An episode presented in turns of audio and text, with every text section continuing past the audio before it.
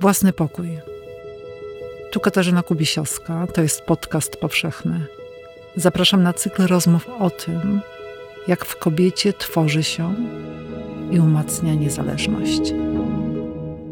Gościem dzisiejszego odcinka jest Justyna Sobczyk. Pamiętam też jedną taką sytuację właśnie z obozu sportowego, kiedy no to była podstawówka, gdzieś siódma klasa. Dowiedziałyśmy się, że ja trenowałam siatkówkę. Dowiedziałyśmy się, że nie pójdziemy biegać w góry, co bardzo mnie ucieszyło, ale że tego dnia każda z nas będzie musiała oddać trzy skoki z takiej wieży do basenu. No i pamiętam, że to było jakieś dla mnie przerażające. I ja na tej wieży, przyznam, jak stanęłam, to, myślę, to tego żałuję, że tego nie ma zapisu, bo ja naprawdę prowadziłam wtedy jakiś dialog z Bogiem.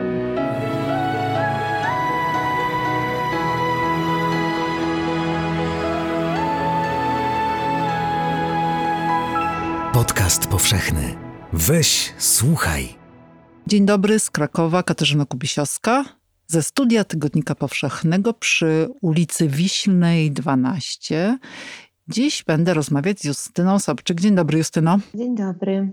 Ja jestem z kolei w Warszawie, dzielnica Bielany, w swoim mieszkaniu.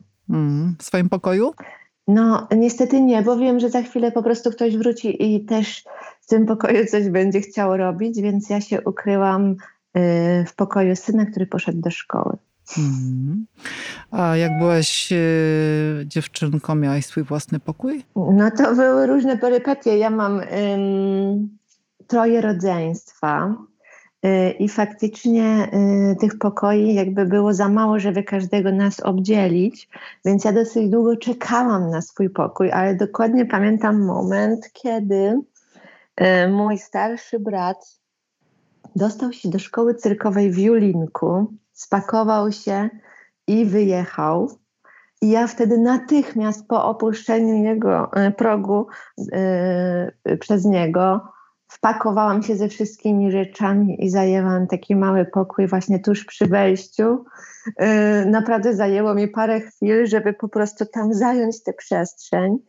I y, pamiętam też moment, jak on y, po roku miał jakiś wypadek właśnie w szkole cyrkowej i wrócił z powrotem. I pamiętam, jak trudno mi było pogodzić takie dwa ekstremalne stany, które miałam, czyli że się cieszyłam, że on może wrócić, bo to był też taki uko... No i bardzo go też kochałam i byliśmy bardzo blisko. I pamiętam ten moment, że on nagle wraca i ta świadomość, że będę musiała oddać ten na chwilę odzyskaną przestrzeń. E, no i musiałam też tak zrobić. No i potem były różne perypetie. Miałam właśnie pokój z młodszym bratem, ale też bardzo zazdrościłam, pamiętam mojej właśnie siostrze i wchodziłam do niej, kiedy jej nie było i ona już miała faktycznie ten swój pokój taki urządzony, miała już takie ślady swoje, może o tym mówię, ślady swoje, miała już jakieś plakaty na ścianach, które świadczyły o tym, że to jest jej pokój. A, no ja miałam zawsze taką swoją część faktycznie, jak byłam potem przez lata z moim młodszym bratem w jednym pokoju, no to udało mi się wywalczyć pewnie dzięki temu, że byłam starsza od niego, to tę część bliżej okna, czyli nieprzechodnią. Y, pamiętam, że miałam swój taki półkotapczan, y, w którym się y, w którym są no, łóż, połączenie łóżka i półki na książki. No i to była taka kryjówka po prostu. Z, też z widokiem przez okno no to było też dobre schronienie. A pamiętasz, kim chciałaś być, jak byłaś e, dziewczyną? No ja wiązałam po prostu swoją y, y, rzeczywistość w ogóle i przyszłość z teatrem, tylko że marzyłam o aktorstwie. No jak to było z tym aktorstwem? Bo przez chwilę było, a później go nie było. Grałaś, przecież byłaś na scenie, zdawałaś do szkoły teatralnej, no ale to poszło w inną, w inną stronę, w inny pokój. Twoja, twoje życie się w innym pokoju zamieszkało. Tak, to było w ogóle jakieś takie niesamowite, bo, um, bo ja faktycznie miałam taką um, dużą potrzebę jakiejś takiej właśnie ekspresji aktorskiej. Bardzo dużo rzeczy przedstawiałam, w ogóle bardzo często też używałam jakby teatru, y, y, żeby dodawać sobie mm, odwagi w sytuacjach na przykład, kiedy się bałam albo coś mnie przekraczało, ja sobie stwarzałam cały świat, jakby instalowałam tam siebie w środku i na przykład dzięki takiej strategii y, przetrwałam bardzo długie takie biegi na obozach sportowych, bo ja byłam w klasie sportowej i faktycznie, kiedy te biegi no, po górach, w, w, mm, które były, no myślę, że dalece przekraczały w ogóle moje możliwości wtedy, no to faktycznie ja instalowałam się, uwaga, jako y, dziennikarka programów, y, takich właśnie y, dziennikarka, która kręci materiał o terenie właśnie takim zielonym, o górach, w którym ja jestem i obserwuję i jakby daję wgląd ludziom. Ja faktycznie podczas tego biegu cały czas ze sobą gadałam, ale również gadałam na przykład z ludźmi, dla których ten program tworzę. Udawałam, że coś tam mi się dzieje, przed kimś uciekam i faktycznie dzięki temu urozmaiceniu ja byłam w stanie y, jakby te dystanse po prostu przebiec. To rzeczywiście y, przedstawienie, A, całe przedstawienie. Tak. I naprawdę to były takie, takie deski ratunku moje ostatnie. Druga taka sytuacja, no właśnie one bardzo często miały miejsce w takich sytuacjach widzę sportowych doświadczeń. Y, pamiętam też jedną taką sytuację właśnie z obozu sportowego, kiedy no to była podstawówka, gdzieś siódma klasa. Dowiedziałyśmy się, że ja trenowałam siatkówkę. Dowiedziałyśmy się, że nie pójdziemy biegać w góry, co bardzo mnie ucieszyło, ale że tego dnia każda z nas będzie musiała oddać trzy skoki z takiej wieży do basenu. No i pamiętam, że to było jakieś dla mnie przerażające. I ja na tej wieży, przyznam, jak stanęłam, to, myślę, to tego żałuję, że tego nie ma zapisu, bo ja naprawdę prowadziłam wtedy jakiś dialog z Bogiem. Ja krzyczałam po prostu do Niego, ja się tak bałam, ja cała drżałam i faktycznie na tej, stojąc w ogóle na tym takim betonowej wieży, bo to nie był żaden piękny basen, tylko taka po prostu jakiś betonowy basen. Y, krzyczałam, że się boję, że mam mi dodać siły, że to jest w ogóle to jest ponad mnie, to co się tutaj dzieje. I faktycznie ja miałam, moi trenerzy mówili do mnie nawet aktorka. To było moje, mój pseudonim. I dopiero tak naprawdę, no, jakby w tej też szkole podstawowej w pewnym momencie też takim momentem zupełnie przypadkowym trafił się na lekcję polskiego y, na zastępstwo jeden z młodych nauczycieli, który mnie jakby zaprasza, żebym przyszła na próbę, bo powołuje teatr w szkole. No i faktycznie ja wtedy też tak właśnie rzucam niemalże to wszystko od razu i zaczynam tak samo zespołowo działać, jak było to w przypadku siatkówki, no ale już z ludźmi i nagle czuję, że ta w ogóle ta moja taka twórczość w takiej codzienności może znaleźć miejsce w jakiejś takiej dedykowanej przestrzeni. No i faktycznie ja tam czułam, że to jest jakieś ważne miejsce, ale też y, jak kontynuowałam te moje zainteresowania, w liceum, no to bardzo szybko zaczęłam się właśnie, dostawałam takie komunikaty, że mam wadę wymowy, że może powinnam chodzić do logopedy, że co tam mam w tej buzi, że mówię właśnie, że mam poprzestawiane akcenty. no i widziałam, że jak cokolwiek właśnie robię, że jest takie, że tak no, prowadzący, czy tam na jakichś konkursach recytatorskich takie miny robią, jakby coś im się nie zgadzało. No i faktycznie też widziałam, bo ta nasza grupa była dosyć zróżnicowana, mocna, jakby ja mam z tej grupy, wiele moich koleżanek jest aktorkami. I ja wiedziałam tak naprawdę przez, ten, mm, przez tę informację zwrotną, które one dawały, że to są pewne typy, aha, czyli tego się oczekuje w teatrze, czyli one miały długie włosy, jedna była blondynką, druga była ciemna, jakby miały takie urodę, jakby no, były pięknymi dziewczynami. Ja jakby się tak nie sytuowałam, no i po prostu bardzo szybko gdzieś się orientowałam, że no chyba nie wiem, chyba nie ma dla mnie miejsca, że może to jest jakiś plan, który sobie wymyśliłam, ale... A jakie to jest uczucie, jak się człowiek nie sytuuje? No to, je, to było jakieś y, dla mnie na pewno trudne bo ja też miałam bardzo dużą taką świadomość, ja tego też może nie artykułowałam, ale widziałam jakby jakie jest to oczekiwanie y, po prostu względem młodych dziewczyn, które mają iść na aktorstwo y, i co jest podkreślane jako atut. No więc jeżeli się czuje, że nie spełnia się czyichś oczekiwań, y, no to jest jakieś doświadczenie, myślę, bardzo trudne do zniesienia. Mm, no, z którym się żyje. Ja myślę, że to jest po prostu jakiś cały czas jakiś taki wewnętrzny dialog, no, taki od wspierania do jakiegoś um, rozmowy z krytykiem wewnętrznym, prawda? Um, no ale też z drugiej strony, po czym po chwili miałam właśnie ten dłuższy też czas współpracy, bo to jednak dalej trwało. Ja wiedziałam, że okej, okay, nie muszę iść do szkoły teatralnej i wtedy też odkryłam bardzo ciekawy dla mnie wówczas teren, czyli tego całego nurtu teatru alternatywnego. Czyli ja nie dałam sobie jeszcze tego odebrać. To było coś takiego, że ta dyskusja była, jak pojechałam do szkoły teatralnej, no to na tych właśnie tak zwanych drzwiach otwartych, czyli właśnie w tym dniu otwartym, kiedy można było się spotkać z pedagogami, no też dostałam od razu ten właśnie e, feedback, że niewyraźnie mówię, że no tam bardzo szybkie takie strzały były wiersz i jakby dostałam jakby bardzo szybką informację zwrotną, że jednak coś tam jest nie tak i żebym pomyślała o czymś innym. I ja faktycznie pamiętam, że wtedy zadzwoniłam do moich rodziców i się popłakałam, znaczy to była jakaś taka dramatyczna scena, bo ja jakby zostałam gdzieś, znaczy dowiedziałam się, że no to miejsce, ta szkoła to nie jest to miejsce dla ciebie, dziewczynko, ale bardzo szybko, to jest niesamowite, jakby ja y, wróciłam i szybko jakby w swojej głowie, w takim kalejdoskopie wyszukałam po prostu y, takie doświadczenia, które już obserwowałam w Toruniu, w tym Domu Kultury, do którego chodziłam na zajęcia. Tam jeden z prowadzących, bo to był, to był jakiś niesamowicie gęsty czas, wówczas w Domu Kultury w tym samym czasie pracowało trzech instruktorów teatralnych, które prowadziło różne, trzy całkowicie różne grupy.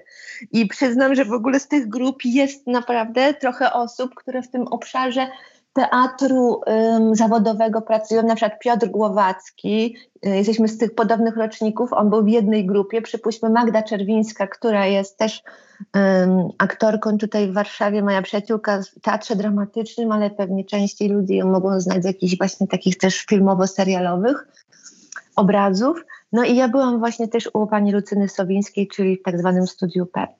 I jeden z tych prowadzących prowadzi wówczas właśnie, organizuje festiwal Pobocza Teatru, na który do Torunia zjeżdżają się no jakieś po prostu zespoły i przedstawienia, które mnie też całkowicie porywają. Czym cię porywają? Mhm. Porywają mnie tym, że był taki jeden właśnie spektakl um, z Poznania, który Maciej Adamczak i Kasia Pawłowska, to była dwójka performerów na scenie i to było przedstawienie I Love You, które mówiło o przemocy w związku. I ja y, w ogóle na tym festiwalu było bardzo dużo przedstawień, które były tworzone oczywiście przez ludzi, którzy nie mieli dyplomów. Y, ale to był taki ogromny teatr, klinika lalek, to były właśnie teatry wszystkie alternatywne z różnych małych miejscowości. No i ja nagle tam po prostu czułam, że no po prostu ten teatr mnie w jakiś taki sposób właśnie mm, dotyka, obchodzi. On, ja często na tych przedstawieniach, pamiętam na tym spektaklu, o którym wspomniałam, nie byłam w stanie wysiedzieć, to znaczy wyszłam podczas niego, bo taka dokładnie pamiętam scenę, kiedy jest jakaś scena przemocowa, podczas tego przedstawienia, kiedy oni się kłócą i tamten mężczyzna mm, zaczyna jakby stosować przemoc wobec kobiety i ona jako aktorka wyciąga tak rękę do widowni, akurat była skierowana do mnie i prosi mnie o pomoc. I ja pamiętam, że ja wtedy po prostu nie wiedziałam, co zrobić w ogóle z tymi uczuciami, które się we mnie kłębiły. W ogóle nie zdawałam sobie sprawy, że tak można w teatrze mówić. Pamiętam, że wyszłam na korytarz tego Domu Kultury, bo ja nie wiedziałam, naprawdę miałam coś takiego, że coś się do mnie tak zbliżyło, yy, że nie byłam w stanie jakby na to odpowiedzieć, ale też nie chciałam pójść do domu. I pamiętam, że wzięłam parę takich głębszych wdechów i wróciłam na tę salę. Yy, I pamiętam, że takiego doświadczenia nigdy też nie znałam wcześniej. No i wtedy po prostu też Y, poznałam się z Teatrem Wiczy, który przyjechał wówczas i pokazywał spektakl na tym festiwalu, a działał wówczas w Brodnicy, ale już po chwili jakby Romuald Dwicza-Pokojski, który aktualnie teraz jest dyrektorem opery w Gdańsku, ale wówczas był po prostu człowiekiem, który zaczynał swoją działalność właśnie taką amatorską. Ja się przyłączam do tego zespołu, no i przez cały okres studiów y, pracujemy w takim malutkim zespole i gramy, bardzo dużo gramy. I ja też tam na tym polu dostaję bardzo taki niesamowicie mocny w ogóle feedback, że o takiej swojej obecności dostaję nagrody aktorskie. E, i, i jakoś dostaje ta moja mm, osoba doceniona. I zaczyna się to w tym momencie też, kiedy Romek właśnie we współpracy z nami pisze teksty jakby trochę w oparciu o naszą taką konstrukcję, bo te postacie moje są bardzo takie specyficzne, na granicy takiej dziewczynki, kobiety rodzącej się, ale one mają coś takiego swojego dziecięcego na pewno.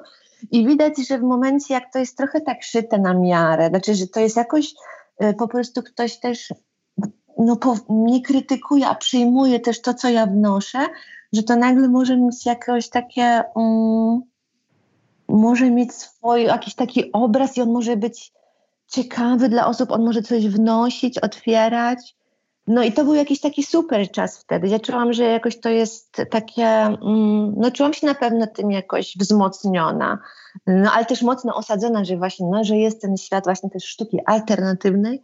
Ja się na nim jakby sytuuję i ja bardzo długo miałam taką złość na instytucję, opór.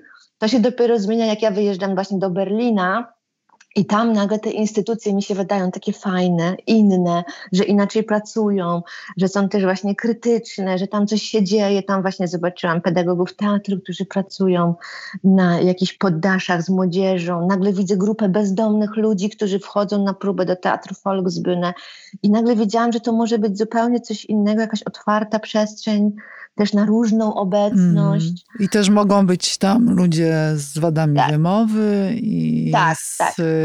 kulawi i zespołem tak. Downa, czyli prawda, cały ten świat, mhm. Y, który jest, który często jest pomijany albo właśnie marginalizowany. Albo Czy nie spełnia oczekiwań, mm. prawda? Tak mi się wydaje, nie spełnia oczekiwań po prostu też. Nie zmieścił się w jakichś takich ramach no i jakiś paradoksalny, to oczywiście jest gdzieś paradoks, ale um, ja myślę, że to z jakiegoś tego miejsca w ogóle wszystko wynika, że ja też jakby w sobie takie, jako dziewczynka, y, jakby takie miejsce gdzieś czułam, że ono jest we mnie, nie? Że, y, że z pewnością trudno mówić jakby o tym. Ja się też czuję, że, um, no, że nie mam prawa też jakby, jakby gdzieś też przypisywać sobie pewnego takiego rodzaju, nie wiem, jakiegoś wykluczenia i też się z tego cieszę, że po prostu, prawda, że to nie jest moje doświadczenie, że w ogóle udało mi się jakoś też y, zbudować właśnie dom i, mm, i że mam bliskie osoby wokół, a często to są osoby całkowicie, które takich możliwości nie mają, ale z pewnością jest to towarzystwo, do którego mi bardzo blisko. Hmm. A powiedz mi Justyna, czy właśnie w Berlinie. Mm, zobaczyłaś, e, jak można pracować e, na przykład z ludźmi z zespołem Down albo z autyzmem. Mhm. Tak? To były pierwsze takie zetknięcia tam tak, w Niemczech? Tak, mhm. ten wyjazd był w ogóle, ten wyjazd też mm, tak naprawdę patrzę właśnie z tej perspektywy już dzisiejszego dnia, no to widzę, że ja bardzo jakby tak siebie mm, wspierałam w tym, że jakby czułam intuicyjnie, że coś chcę robić, ale nie do końca mi się to udaje, ale jakby cały czas jakby nie dała mi się zatrzymać, bo ja jadąc do Berlina już miałam skończone studia wiedzy o teatrze i pedagogiki, a jechałam na pedagogikę teatru. I niektóre osoby to krytykowały jako po prostu jakieś, nie wiem, cały czas po prostu jakaś potrzeba, nie wiem, uczenia się, y, a już po prostu trzeba by było wejść do pracy i zacząć robić, a nie wymyślać po prostu dodatkowe studia po dwóch kierunkach, które się kończyło, a ja czułam się cały czas, że to nie jest gdzieś jeszcze dotknięte, nie? że nie potrafiłam tych dwóch pól właśnie zgrać. Nie mia- ja, czu- ja nie czułam się wówczas jeszcze gotowa do tego, żeby zapraszać osoby z niepełnosprawnością do takiego stałego działania. I faktycznie jak tam pojechałam, i to nie było takie bezpośrednie, że ja nagle dostałam jakby przepis na to, jak pracować, bo myślę, że w ogóle takimi to było w ogóle taka, no właśnie usamodzielnienie się, czyli wyjechanie gdzieś też poza ten kontekst tutaj, w którym byłam. Y, I bardzo jakby takie wejście we wszystko, co nie wiem, teatr może oferować. I faktycznie ja tam się przyłączam do grupy teatru Rambacamba, który pracuje z aktorami zespołem Downa i tam spędzam czas, jakby realizując tak zwane praktyki studenckie. Siedzę tam z nimi, uczestniczę w próbach, no spędzam tam czas. Co, co tak najbardziej Cię fascynuje w tym, e, w tym świecie ludzi z zespołem Downa? Mhm. No to już myślę, że potem jest odkryte, już w pracy takiej mojej, bo no nie wiem, no oczywiście zawsze mogę powiedzieć, że paradoksalnie nikogo nie, ma, nie mając też w rodzinie y, jakby żadnej osoby ze zespołem Downa, czyli nie miałam też takiego doświadczenia, którego ja potem szukałam, prawda, było dobrym doświadczeniem po prostu z jakichś takich bliskich relacji. Ja miałam jakiś, na pewno było coś takiego, że ja te osoby widziałam zawsze, nawet w dzieciństwie. Jestem w stanie zlokalizować w miasteczku mojej babci taką osobę, czy właśnie w mojej miejscowości na osiedlu, um, gdzieś takie osoby, które się przechadzały. I to na pewno jakoś przykuwało ten mój wzrok budziło zainteresowanie w sensie takiego pytania, dlaczego te osoby w ogóle się nie bawią z nami, bo to nigdy nie były też osoby właśnie z placów zabaw, tylko bardziej gdzieś tak przechodzące, gdzieś tam się ujawniające. Z kimś dorosłym ja, zazwyczaj, tak, prawda? Tak. Mhm. Zawsze, zawsze w towarzystwie dorosłego. No i bardzo mnie gdzieś to ciekawiło. Znaczy ja miałam, wokół tego nie było lęku, tylko takie, że taka chęć poznania. I faktycznie w Berlinie było coś takiego, że na tych próbach było też fajnie. Chcę zaznaczyć, że tam już wtedy doświadczyłam, że ci aktorzy przychodzili na przykład z innego miejsca pracy, na przykład, że dziewczyny pracowały w kawiarniach. I nagle one, pamiętam te energie, jak wchodziły po prostu i dzieliły się y, takim swoim doświadczeniem. Miały już tam wówczas, y, tam w Teatrze Rambacamba były pary, więc ja po prostu gdzieś też widziałam ich takich roześmianych, całujących się, obejmujących. No żyjących. żyjących. żyjących. I mhm. dla mnie to było bardzo takie otwierające. Znaczy ja w ogóle nagle poczułam takich szczęśliwych, znaczy byłam w towarzystwie szczęśliwych, uśmiechniętych ludzi, którzy przychodzą sobie do pracy w teatrze, jedzą wspólnie tam posiłek, właśnie wracają też z innych mieszkań. No faktycznie ja ich tam poznałam też y, już wiedząc, że oni częściowo mieszkają sami. No i to było jakieś takie dla mnie um, jakieś niesamowite. Znaczy, y, ja też często się śmieję, że właśnie mnie też nie pociągała właśnie często sama niepełnosprawność, tylko pewna atmosfera, którą oni też wytwarzali, właśnie takiego otwarcia, takiego, no i to odnajduję na pewno w 21, nie? że to są często osoby, które mają bardzo wiele i też już coraz bardziej, bo też są coraz starsi, więc też ta świadomość, samoświadomość jest też inna, ale naprawdę w wielu sytuacjach, w których oni naprawdę mają wiele ograniczeń, które, którym się mus, których muszą się trzymać, nawet to mieszkanie z rodzicami, prawda, niemożność wchodzenia w jakieś takie relacje, nie wiem, spędzania takiego samodzielnego czasu, gdzieś tam podejmowania decyzji, żeby samemu coś zrobić, że to wszystko jest takie zaplanowane, zawsze musi być ktoś, to i tak mają jakąś taką niesamowitą energię takiego takiej obecności, takiej radości, no, no, jakiegoś takiego, takiej akceptacji siebie. I emocjonalnej no, otwartości. To tak, są ludzie bardzo tak, serdeczni. Mhm. Tak. No i to jest coś, co mnie absolutnie pociąga w ogóle. Mnie to. Ja myślę, że w ogóle, kiedy czujemy jako ludzie, że właśnie mamy też inne osoby, które też nas tak um, akceptują i witają i się cieszą. Ja myślę, właśnie ktoś ostatnio się mnie zapytał właśnie y, o to, jak um, aktorzy też przyjmują inne osoby, które przychodzą, no to ja właśnie powiedziałam, że to jest jedna w ogóle z takich najwspanialszych chwil, że przy, kiedy zaczynają się jakieś projekty, to większość zespołu po prostu wita te osoby, cieszy się i naprawdę daje temu wyraz że my się nie musimy domyślać. My bardzo szybko też dowiadujemy się, myślę, o sobie y, tyle dobrego. To są nagle osoby, które też nie mają problemu z tym, żeby nas zobaczyć i w ogóle też opowiedzieć o tym, e, że jacy my jesteśmy, dostrzegając w nas też piękno. Mm, I, I się przytulić. Coś, co, tak. Nie mają problemu z dotykiem. Nas, mhm. Tak. Co w ogóle nas jakoś tak obezwładnia, ja myślę. No mnie to, na mnie to w ten sposób też działało. I potem też uwielbiałam patrzeć na to, jak e, jakby pojawiają się kolejne osoby i te nasze takie właśnie bloki w takim kontakcie z kimś, kto w ogóle jest otwarty, szczery, uśmiechnięty, właśnie potrafi nas złapać, jak nagle my jesteśmy, mówię tutaj o tych kolejnych osobach, które dołączały do 21, stoimy w tym pierwszym momencie często w takim paraliżu, bo nie wiemy trochę, co z tym zrobić, no bo przecież się nie znamy, bo przecież jest tyle jakby sytuacje tak obudowały w nas takie jakby, nieprawda, takie warstwy i nie wiadomo trochę, jak sobie z tym poradzić. I mnie ciekawi ten moment, w którym ty pomyślałaś sobie o ja tworzę teatr, a nie, y, albo nawet usłyszałaś to, zostało to uznane, y, a nie y, słyszałaś, że Justyna Sobczyk pracuje z ludźmi niepełnosprawnymi i tutaj odbywa się terapia poprzez sztukę. Pamiętasz taki moment? No ja od początku miałam takie przekonanie, że w sobie, że jeszcze nikt mi nie musiał jakby o tym mówić. Ja w tym weszłam, że po prostu moim celem jest robienie teatru.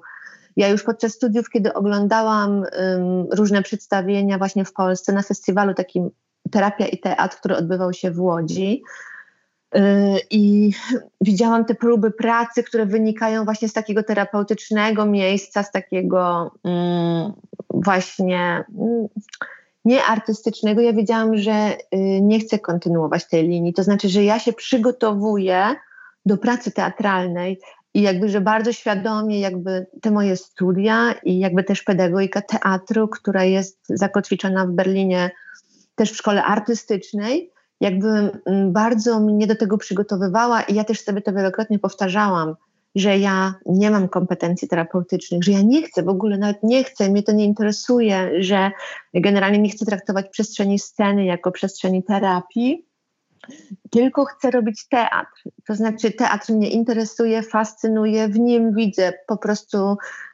potencjał y, o, o, osoby z niepełnosprawnością w roli aktorów, jakby chcę się jakby tutaj upomnieć i na tym polu pracować. I oczywiście ta informacja zwrotna ze świata y, jakby mm, nie była tak jednoznaczna, jak ja sobie wewnętrznie jakby to nazywałam, bo na początku to tak jak mm, wielokrotnie powtarza nasza publiczność, to była głównie składała się z rodziców y, i z nauczycieli szkoły, dać szansę.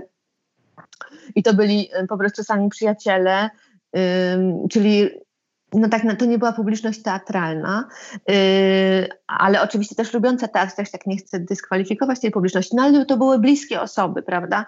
Yy, no i też wiele osób przez ten pryzmat terapii też mm, po prostu y, opowiadało o tych naszych działaniach i ja tam dosyć mocno się spalałam przy tym, mówiąc, że nie, nie, że to takie nie jest.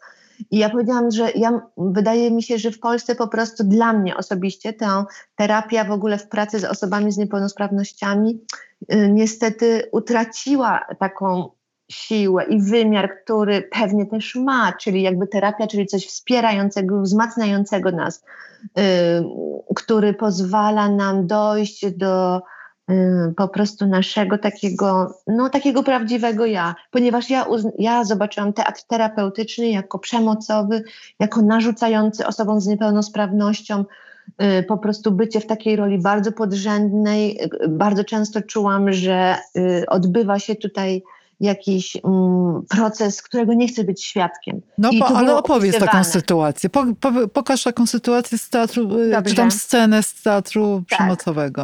Mhm. Tak. E, no to jest przykład właśnie jeden ze spektakli, który widziałam właśnie na festiwalu Terapia i Teatr w Łodzi, lata 90., końcówka lat 90.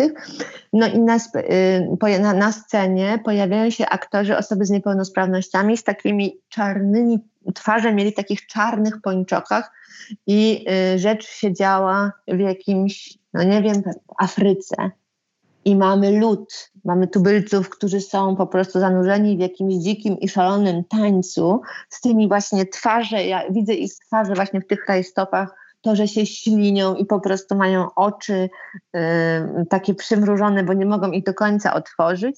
Wśród nich pojawia się misjonarz, który powoduje to, że oni padają wszyscy na kolana. I w kole, na tych kolanach chodzą dookoła no i to jest obraz po prostu, który mi został bardzo w pamięci.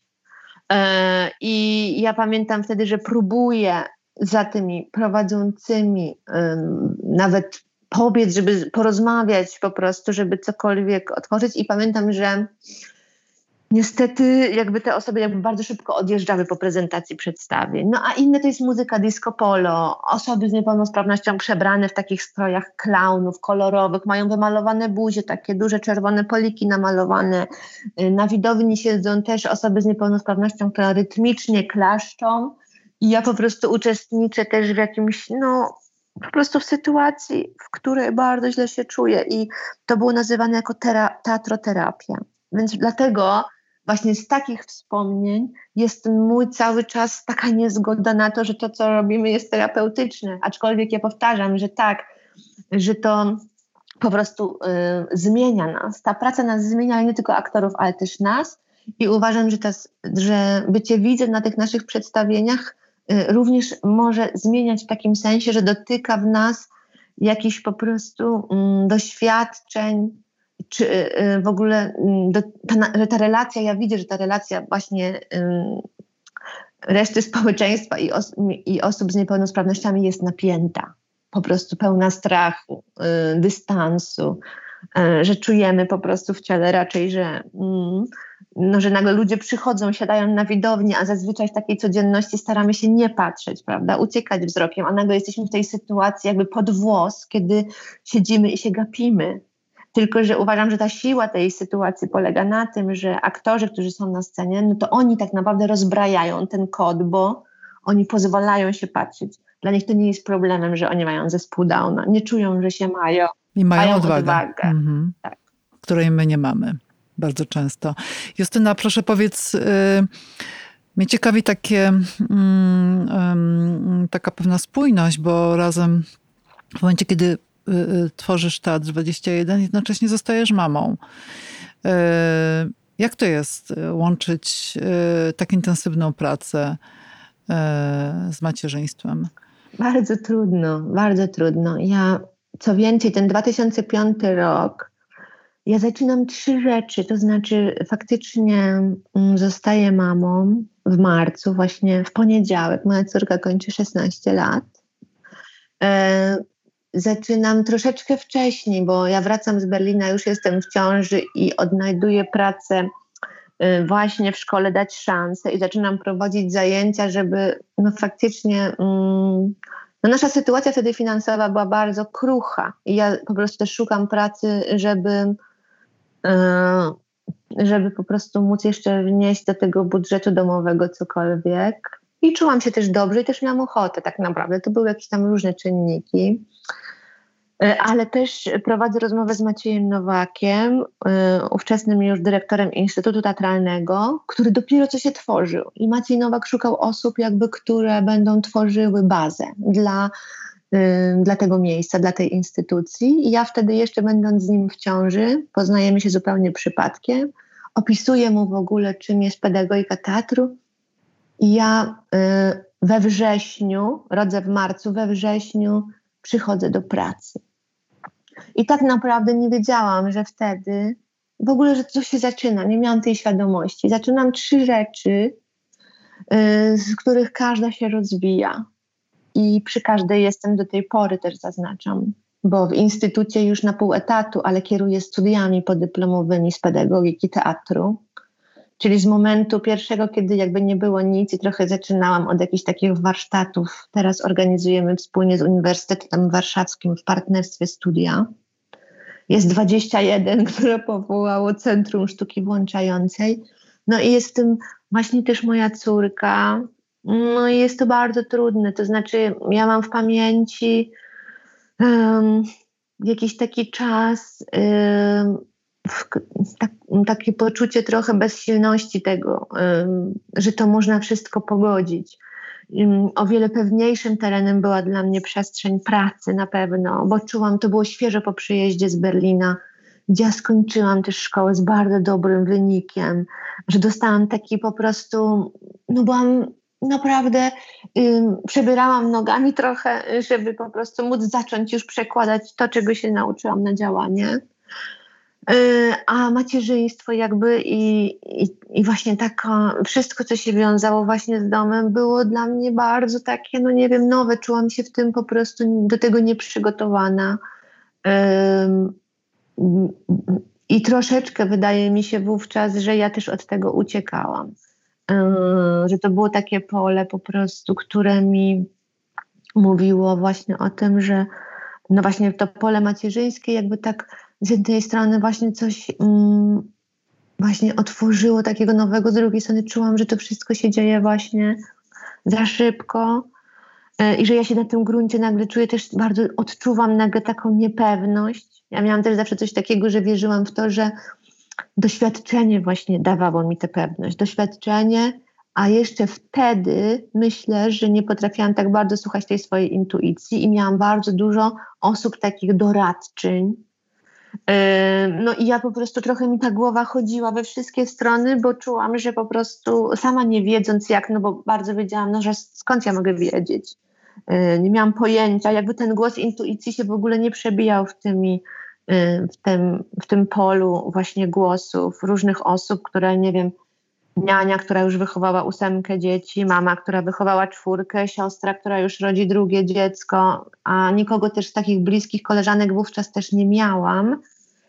E, no i też tak ta sytuacja, no też wspólna, no bo ja też wtedy faktycznie jestem, mm, no w związku jesteśmy we trójkę, tworzymy rodzinę, prawda, no to czułam, że to jest jakiś trudne, ale też nie potrafiłam jakby zrezygnować. To jest też mm, w tej mojej opowieści jakoś ważne, że ja po prostu nie przestałam pracować. To znaczy nie, mm, nie miałam takiego momentu właśnie, kiedy faktycznie jak już przyszedł na mój syn po czterech latach, to zrobiłam sobie przerwę, bo czułam, że jestem już ja w innym momencie.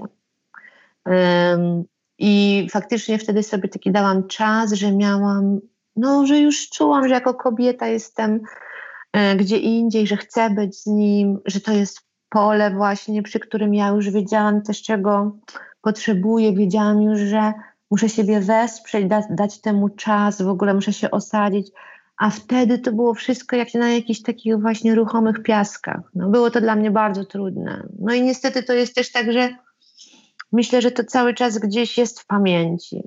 Hmm.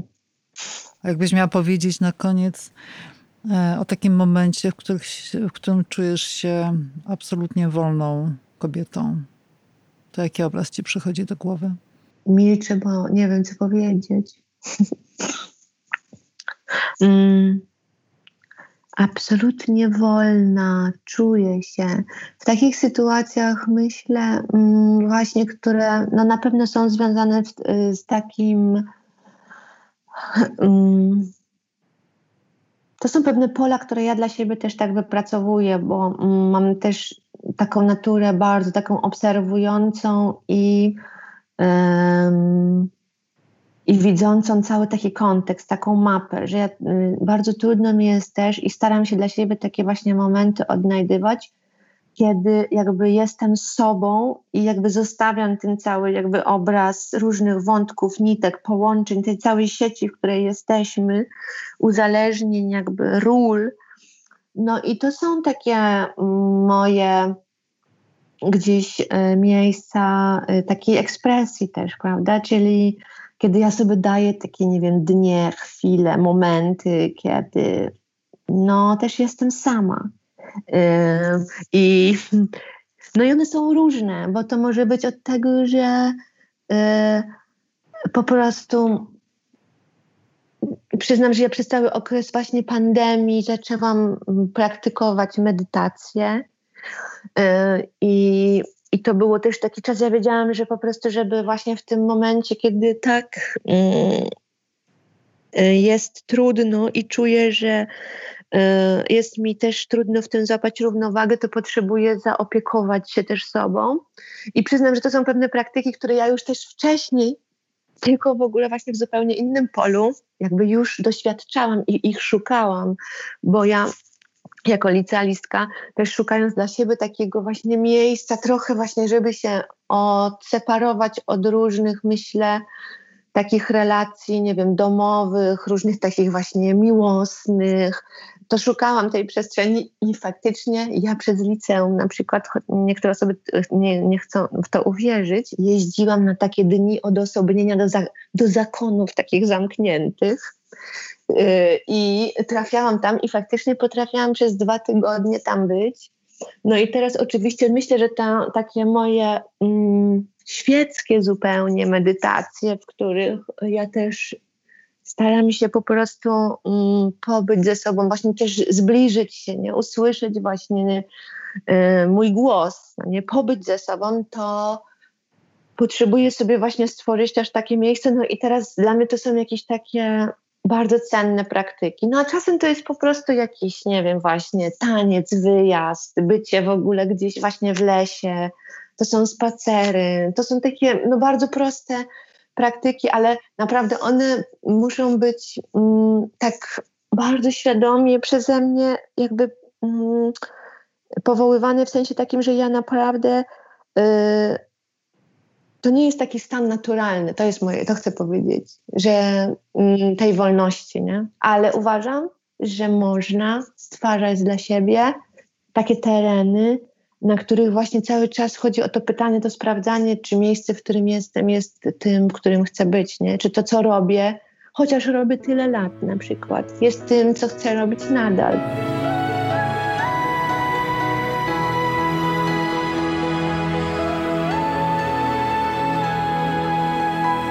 Podcast powszechny.